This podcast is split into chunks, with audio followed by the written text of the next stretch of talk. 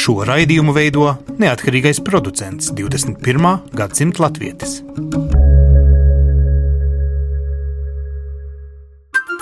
Lai kur mēs būtu, Lai kur mēs būtu, Lai kur mēs būtu, Lai kur mēs būtu, Tie esam mēs. tie esam mēs. Mēs. Tie esam mēs. Mēs.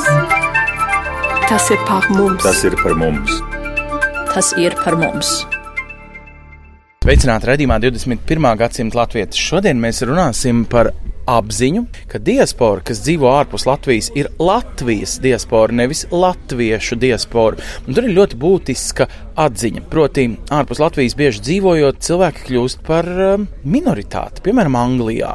Latviešu minoritāte, bet uh, ir jau arī krievu, baltkrievu, ukraiņu, uh, lietuviešu, poļu un visas iespējamās minoritātes, kas dzīvo Anglijā. Un šajā brīdī daudzos latviešos ar šo pieredzi pasaulē rodas pavisam savādāka, varētu teikt, normalizētāka attieksme pret uh, krievalodīgu minoritāti Latvijā. Šodien par šo aspektu, vai esat minoritāte un redzat, ka šīs diasporas aspekts latviešos pašos kā pieredze maina attieksmi pret nacionālām nu, iekšējiem disputiem valstī.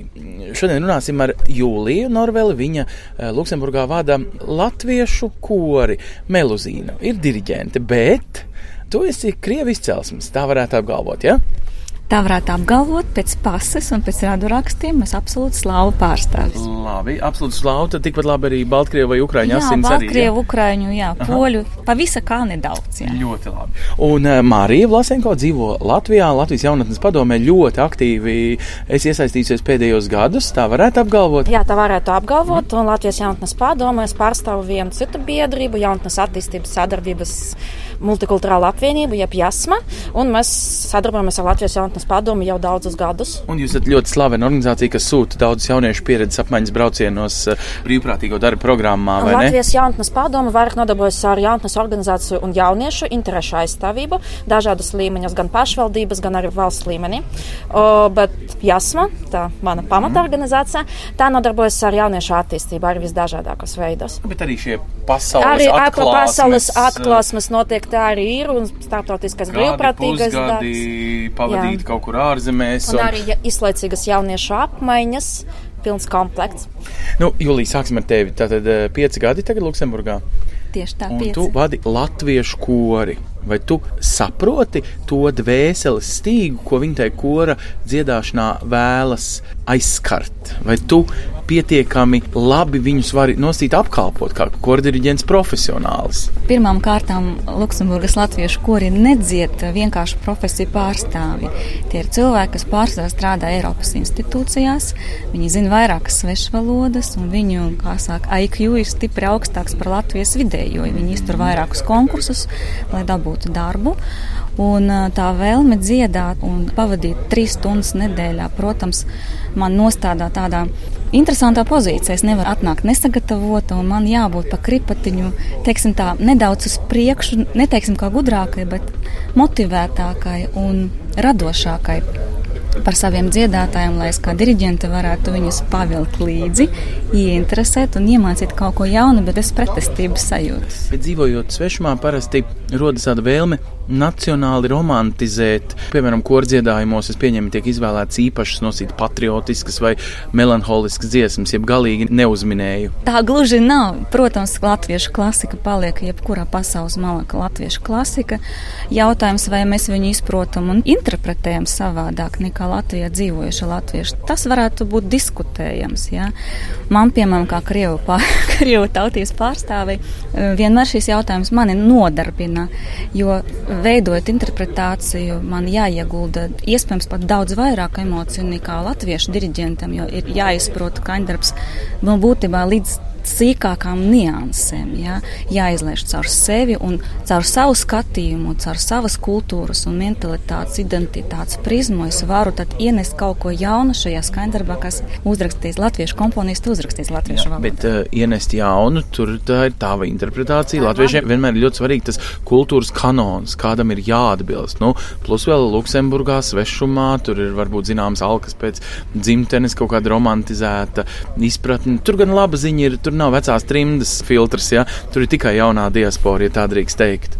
Protams, kaut kādas tradicionālās lietas paliek, dinamiskas un tehniskās un interpretācijas lietas pavisam tādiem stabiliem gabaliem, kā piemēram Jāzapa Vītola gaismas pils. Tur es neko jaunu nemaz neuzdrīkstās ienest, ja? bet mēs runājam par, par mūsdienu latviešu komponistiem, maniem vienaudžiem, to pašu Eriku Ešenvaldu un citiem, kurus es varbūt izprotu nedaudz savādāk nekā vidusmēra latviešu diriģents. Ja? Nu, un tavs koris, viņi to uztver ar ideālu apetīti, viņi ēd šo piedāvājumu. Tu kā profesionāls mūziķis, esi viņu vienīgā izvēle, jo viņus saproti, vari vadīt latviešu valodā, vai viņiem bija izvēle izvēlēties starp diriģentiem, un viņi izvēlējās tevi pēc profesionāla, nevis obligāti nacionāla jautājuma. Nu, tu zini, cik bieži Latvijā lietas tiek izlēmtas pēc nacionāla, nevis profesionāla jautājuma. Jāsaka, godīgi, Luksemburgā es neesmu piedzīvojis situāciju, kad mani kā diriģentu vērtē no nacionāla jautājuma puses. Jāsaka, es pateicos saviem dziedātājiem runājam par to, ka viņi pieņem simtprocentīgi, divsimtprocentīgi. Viņi man uzticās. Viņi uzticās manai profesionālitātei, stilu un mūzikas izjūtai pieredzei un tam, kā es, kā, kā dziedātāja, gan kā diriģente, es varu kaut ko viņam dot vairāk un svaigāk. Jā, cepuri nost, es viņus par to ļoti mīlu, un, un viņi mīl mani arī. Krievu kultūras iespējas Luksemburgā ir vienlīdz plašas kā latviešu kultūras iespējas. Es iedomājos, ka gluži loģiski tu nonāc dažreiz šīs izvēles priekšā, kurai no diasporām veltīt savu brīvo laiku. Tev taču gal galā viņi nav divreiz vairāk, vai ne? Nu, taisnība vien ir. Starp maniem draugiem ir gan latvieši, gan krievi. Es pazīstu krievu biedrības pārstāvjus, esmu saņēmusi pat neliels darba piedāvājums, bet laika trūkuma un īstenībā pēc prioritātēm es esmu atteikusi, jā, jo man pirmām kārtām rūp mans latviešu koris un pēc tam visi citi kori iespējami un dziedāšanas kolektīvi. Es neteiktu, ka esmu nonākusi konfrontācijā pati ar sevi. Es apzināti izvēlējos latviešus, jo es ar viņiem esmu sākusi, es šo kolektīvu veidoju, viņš kļūst ar vien labāks. Tur nav tikai profesionālīs intereses, tur ir draudzīgas attiecības, un, un tie ir mani tuvākie draugi Luksemburgā. Tu pati dzimusi augusi Latvijā, lielāko daļu dzīves pavadījusi Latvijā, kad tu aizceļot tagad uz Luksemburgu. Tu sevi uztver par diasporas pārstāvi no Latvijas, vai tev ir kaut kā jāapliecinās, lai tiktu šajā latviešu kultūras biedrībā? Nu, labi, tev ir viegli, ja tu esi kordiriģents ar profesionālu lielo P burtu, un tas tev paver tā kā durvis, kā tādu atslēga, ja? bet tev ir kaut kāds filtrs, kaut kāda lieta, kas ir jāpārvar, jāpliecina sevi. Jo, nu, tu zini, cik bieži Latvijas sev pirmais, ko paprasīs, ir, ko tu domā par vārdu, nezinu, okupācija, par ko tu balsoji valodas referendumā, un noteikti vēl kaut kādas trīs jautājumas. Un, un tad tikai būs draugs vai nedraugs. Ja? Taisnība vien ir pirmajos mēnešos, un pat pirmajā gadā esmu, teiksim, tā testēta vairāk kārt. un mana lojalitāte Latvijai tika pārbaudīta dažādās neformālās sarunās, bet tad, kad cilvēki pārliecinās, ka es esmu savējā, mājās, viņi pieņem, viņi gatavi sadarboties. Burtiski pēdējo četru gadu laikā es neesmu piedzīvojis nevienu tādu neveiklu momentu, kad man ir jāaizstāv sava pozīcija un sava, sava attieksme pret Latviju. Labi, ļoti interesanti. Tagad uh, Marija, kur uh, ir redzējusi šos jauniešus, kas mainās tavā acu priekšā, tu pati esi jau, es saprotu, tikko pārsniegusi to, ka tevi sauc par jaunieti, tevi drīkst saukt jau par, kā teikt, pieaugušo. Ja? Pēc Latvijas likuma mēs pat pārsniedzu kādu laiciņu atpakaļ, mm -hmm. un mums tā kā Latvijas un Eiropas likumdošana šai ziņā atšķiras. Jā, bet ikdienā es darbos arī ar jauniešiem, un, piemēram, jā, man bija pieredze, kā mēs decembrī ar jauniešiem braucam uz Spāniju, startautisku jauniešu apmaiņu.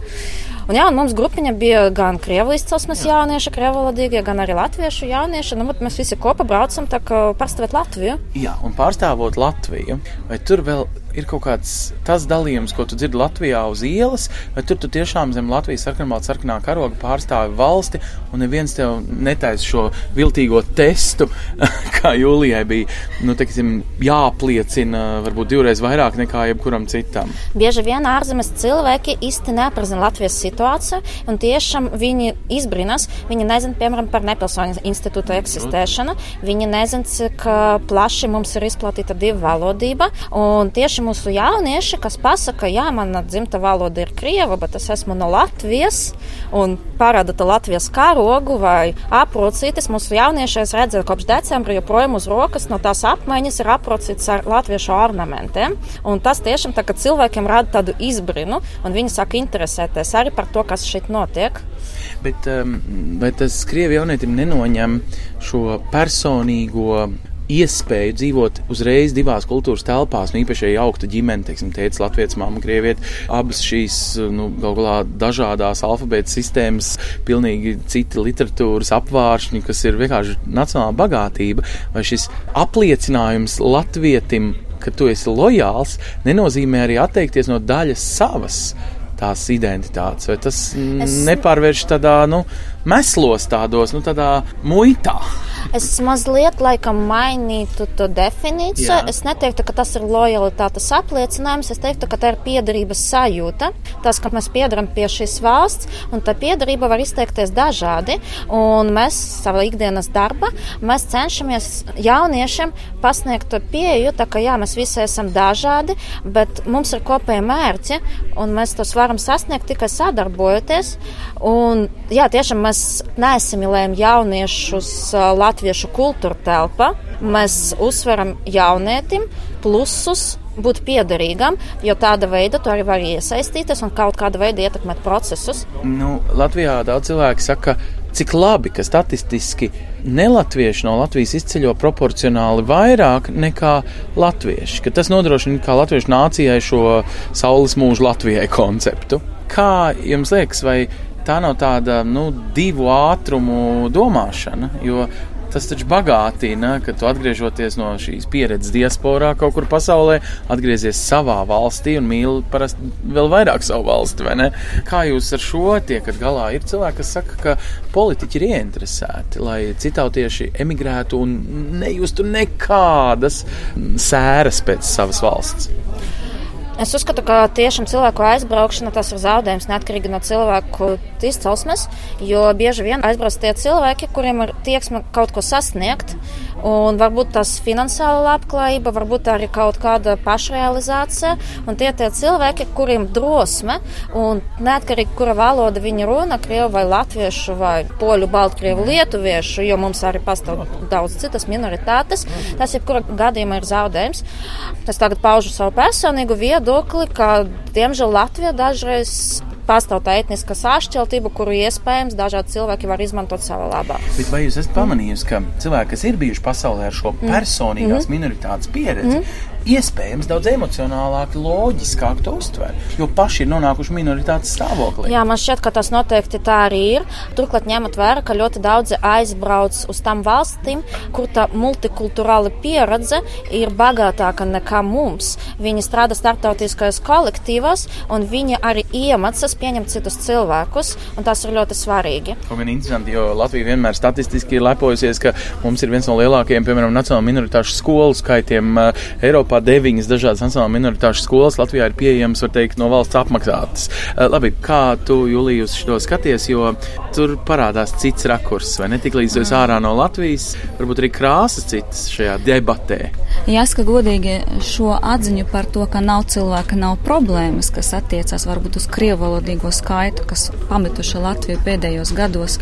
Un tā ir tāda diezgan, teiksim tā, netālredzīga domāšana, jo pareizi teica kolēģi Marija, ka katrs cilvēks Latvijā ir no svara, un ņemot vērā to, ka Latvija diezgan daudz iegulda līdzekļus izglītības sistēmā, kuru iziet gan latviešu, gan krievu bērni, un tā pieredze dzīvojot Latvijā šajā vairāku kultūru telpā, šī ir noteikti ļoti svarīga. Man dzīvojot Luksemburgā, kur ir 140 tautības, strādājot ar cilvēkiem, Tātad uz pusmiljonu iedzīvotāju 140 tautības tautības. Tieši tā. Okay. Tieši tā.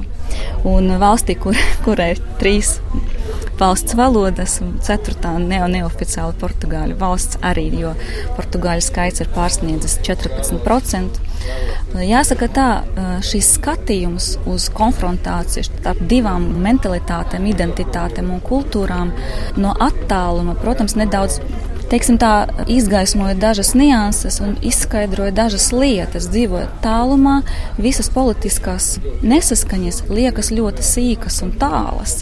Izprotot šajā multikulturālajā telpā kā galveno prioritātu un domu uzturēt savu identitāti kā kaut ko ļoti svarīgu, tajā skaitā ļoti toleranti attiecoties pret visām citām kultūrām un identitātēm apkārt.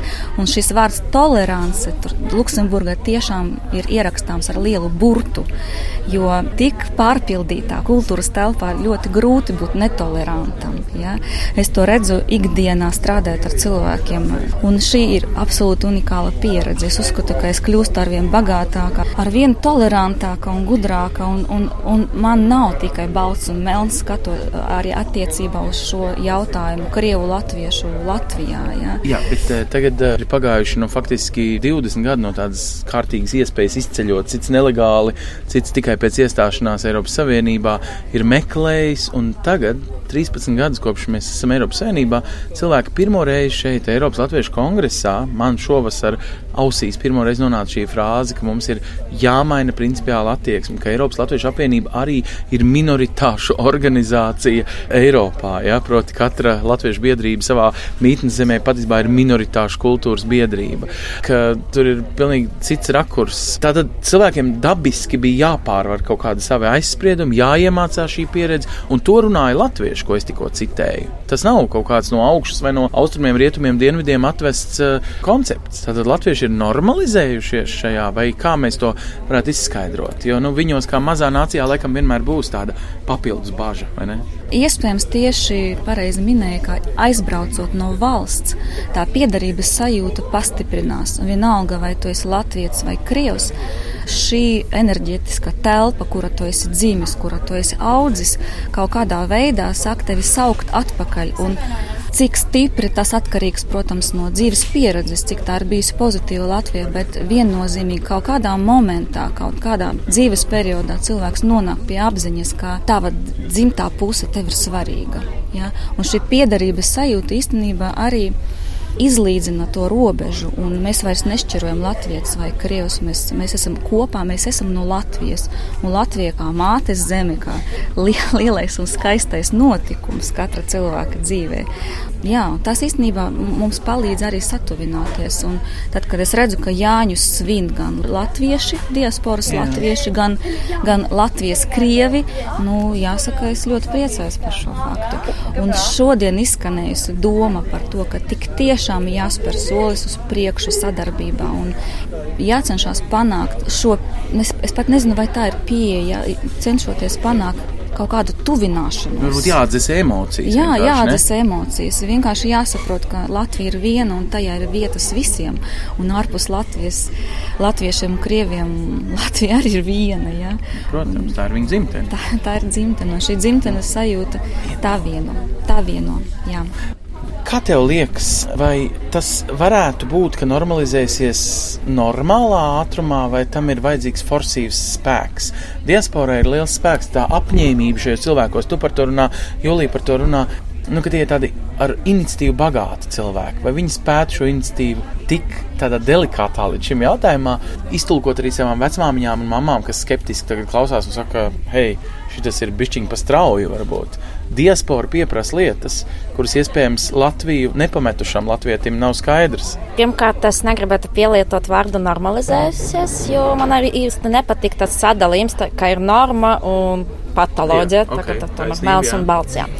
Bet tiešām tas process priecē, un mēs arī runājam ar jauniešiem, kas piedalījās šajā kongresā, ka tie cilvēki, kuri varbūt trimdas laikā aizbrauca ārzemēs, vai, varbūt mūsdienas aizbrauca ārzemēs, valstīm, kura ir tā demokrātijas pieredze ir ilgāka nekā Latvijai, viņi tiešām to smēlas un var nodot arī Latvijā dzīvojušiem latviešiem, runāt ar viņiem viena valoda. Un tāda veida, ar dialogu, var šo situāciju mainīt. Es nezinu, vai viņi mainīs viedokli savam vecmāmiņam vai mammam, bet es noteikti domāju, ka tie var ierosināt kādus procesus, kas nākotnē mainīs situāciju. Tur ir vajadzīgs kaut kāds ārējs spēks. Zin kā, tad, kad tev kāds mēģina ar spēku integrēt, tad integrācija apstājās. Varbūt tieši ļaut šim plūst tieši tik viegli, cik tas plūst caur katru tikai septīto latvieti, kas dzīvo ārpus Latvijas. Ja? Un, un, un ka tam ir vajadzīga paudze. Vienkārši mēs tagad fiksējam mirkli, ka tas sākas šogad, 2017. gadā, kad paši latvieši saka, hei, nomainam attieksmi. Jāņem vērā, ka integrācija ir apusējs process, un abām pusēm, kas ir iesaistītas šajā procesā, jāspēr soli pretī vienai otrai. Citādi nekas nenotiek, un noteikti ar spēku šeit nekas nav darāms, bet vienkārši ko jāatceras cilvēkiem, ja vēlas iekļūt sava identitāte, piemēram, citas tautības, jo, piemēram, mūsu valsts dokumentos ir rakstīts, ka latviska identitāte ir atvērta. Par latvieti var ne tikai piedzimt, bet arī kļūt. Un es uzskatu, ka vienkārši latviska identitāte jābūt pievilcīgai, un tas arī atkarīgs no Latvijas valsts tēla.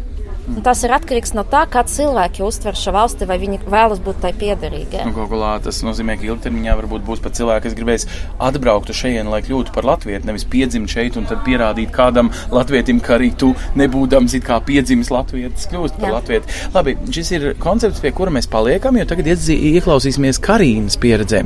Karīnu es satiku Londonā. Viņai ir Latvijas republikas pase, bet viņa ļoti daudz gadus ir nodzīvojusi Anglijā. Viņa man likās tēloja, ka nezina pat krievu valodu, kur nu vēl latviešu valodu, bet abas savulaik bija mācījusies Daugopils skolā mācoties. Tagad viņa runā tikai angliski, bet nu, viņas rokās bija Latvijas republikas pase.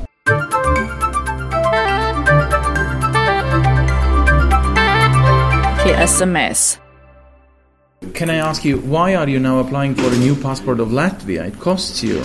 Kāpēc jūs tagad piesakāt jaunu Latvijas pasi? Tas taču maksā naudu. Nu, tā vietā jūs taču varētu pieprasīt Anglijas pilsonību. English citizenship, I have to do a lot of um, Lai iegūtu Anglijas pilsonību, man ir daudz jāapgūst. Jāmācās valoda, precīzāk jādabū izraksts no universitātes vai koledžas, ka man ir valoda zināšanas. um. Tad senāk Latvijā iegūts skolas vai universitātes uh, dokuments, uh, kas apstiprina, te nedarīja. no, it would have to be a course that I would have to do in full English. Nē, tiem ir jābūt kursiem, kas apgūti tikai angļu valodā. Tas ir tas, ko es šobrīd daru paralēli darbam bankā. Es studēju biznesu un banku studijas. So how often you came here actually? So Cik bieži esat nākusi šeit? This is first time I'm here because Šī ir pirmā reize, kad atjaunoju pasi šeit. Iepriekšējā reizē es to darīju Latvijā, jo esmu no Daugavpils. Okay. Why, Your because- parents are still in Vai jūsu vecāki dzīvo Daugopilī? No, my mum is here with me. Nē, mamma ir pie manis Londonā, par tēvu neko nezinu. If uh, beside passport. Vai vēl bez šīs pases ir kādas citas oficiālas saistības, kas jūs saista ar Latviju? No legal connections, just my family. Nē, nekā oficiāli, tikai ģimene. Now, um, tell me, but then uh, from the point of view of this having a Latvian passport, having a British passport, Tad tas, ka jums ir Latvijas pase vai Lielbritānijas pase, savā ziņā maina arī jūsu sajūtas vai nekādas citas pieķeršanās šeit te valstī, kur jūs dzīvojat eh, kā tikai ģimene? It doesn't change any feelings, it's only a document. I'm still Latvian. I've been raised and born in Latvia. My, Tas nemaina sajūtas, tas ir tikai dokuments. Es vēl joprojām esmu latviete, dzimusi, augusi Latvijā un pavadījusi tur pusi sava mūža. Es domāju, ka tas neko nemaina, ja tev ir cita pase. any emotional attachments, any um, arguments, uh, you know, before how to explain to your to your classmates one day you will go back. Jā, bet kā ir ar emocionālo piesaisti? uh, assembly, Kas būs tas, ko jūs teiksiet, piemēram, satiekot eh, klases biedrus Latvijā? Kāda tad ir jūsu pieķeršanās Latvijai, nu, jūsu iepriekšējai mājvietai? The previous one. to Latvia. Yeah. Don't have many connections really because been because I came over here when I was um, 11, 12. Godīgi sakot, man nav daudz saistību ar Latviju.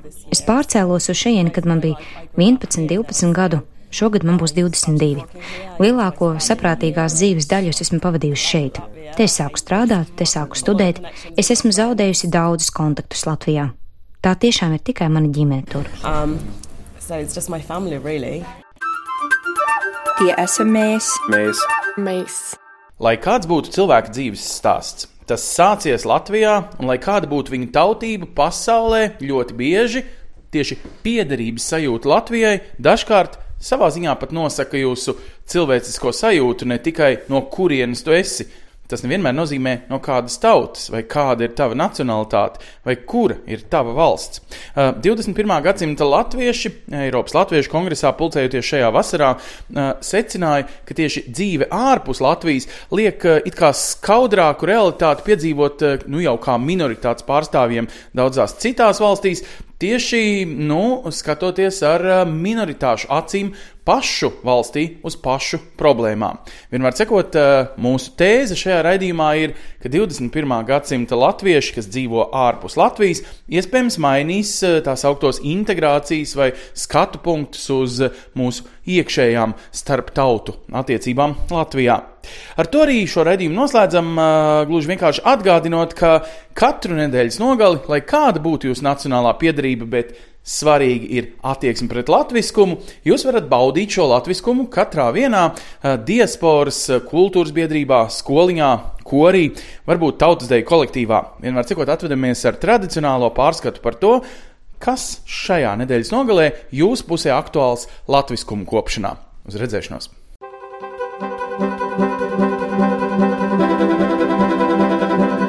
Sadarbībā ar, ar Latviešu.com piedāvājam globālais latviešu notikuma apskats, kur ir tur rodas. Kur ir tur rodas? Tas ir par mums! Sākot no šodienas līdz pat nākamās nedēļas nogalē, tautieši dažādās pasaules vietās piedalīsies 3x3 nometnēs. Latviskās izglītības sajēdz norisināsies Anglijas Daugavas Vanagu fondu lauku īpašumā Straumēni, Īrijas pilsētā Kāslbārā, kā arī Ņujorkas Latviešu evaņģēliskās luteriskās draudzes īpašumā Katskiļos. 3x3 nometnes latviešiem pasaulē notiek jau kopš pagājušā gadsimta 80. gadiem. To pirmo reizi rīkoja Līga un Arnolds Ruperti Amerikas Latviešu īpašumā Gārezers. Nometnes laikā dalībnieki apgūst latviešu valodu, iegūst zināšanas par mūsu tradīcijām, mācās no dažādu nozaru lietpratējiem, kā arī dejo, dzied un iesaistās citās aktivitātēs. Sajieta mērķis ir latviskās kopības sajūtas veicināšana, zināšanu paplašināšana, kā arī vienam otra labāka iepazīšana un izprašana, kāda tad ir latvietība mūsdienās.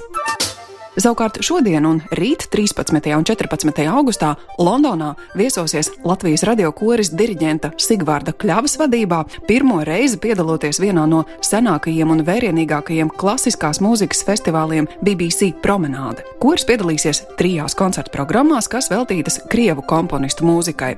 Tautiešiem, kuri koncertu nevarēs apmeklēt klātienē, būs iespēja to klausīties Latvijas Radio 3 tiešraidē. Savukārt nākamnedēļ par plašu sarīkojumu klāstu ir parūpējusies Latviešu dāņu biedrība. Trešdien, 16. augustā, visi interesanti ir aicināti apmeklēt biedrības valdes sanāksmi Kopenhāgenā. Norises gaitā tiks apspriests Eiropas Latviešu kongresā piedzīvotais Jāņu sarīkojumi, bērnu skoliņu darbība un latviešu valodas kursi pieaugušajiem, kā arī citas svarīgākās aktualitātes. Sestdien, 19. augustā, aktīvās atpūtas cienītājiem būs iespēja doties divu dienu ilgā laivu braucienā pa Stokholmas kanālu. Tāpat tautieši pulcēsies Odensē, lai aplūkotu skaistākos apkārtnes skatus, kā arī Latvijas simtgadi gaidot, piedalīsies akcijā izskrien Latviju pasaulē. Latviešu dāņu biedrība aicina arī piedalīties nometnē Karoga ceļš Latvijai 100, kas norisināsies no 25. līdz 27. augustam. Obenrau pilsētā nometnes dalībnieki godinās Latvijas karogu, kā arī kopīgi izdzīvos karoga ceļu cauri Latvijas vēstures notikumu līkločiem, piedzīvojot četrus periodus - senos laikus, Latvijas brīvvalsti, padomju okupāciju un atmodas laiku.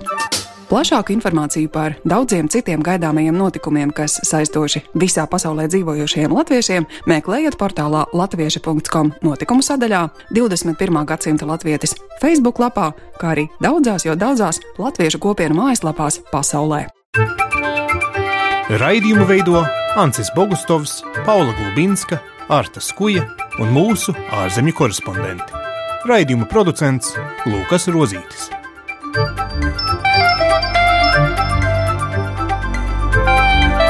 Lai kur mēs būtu, lai kur mēs būtu, tas ir par mums. Tie esam mēs. Tas ir par mums. Tie esam mēs. Tie esam mēs. Tie esam mēs.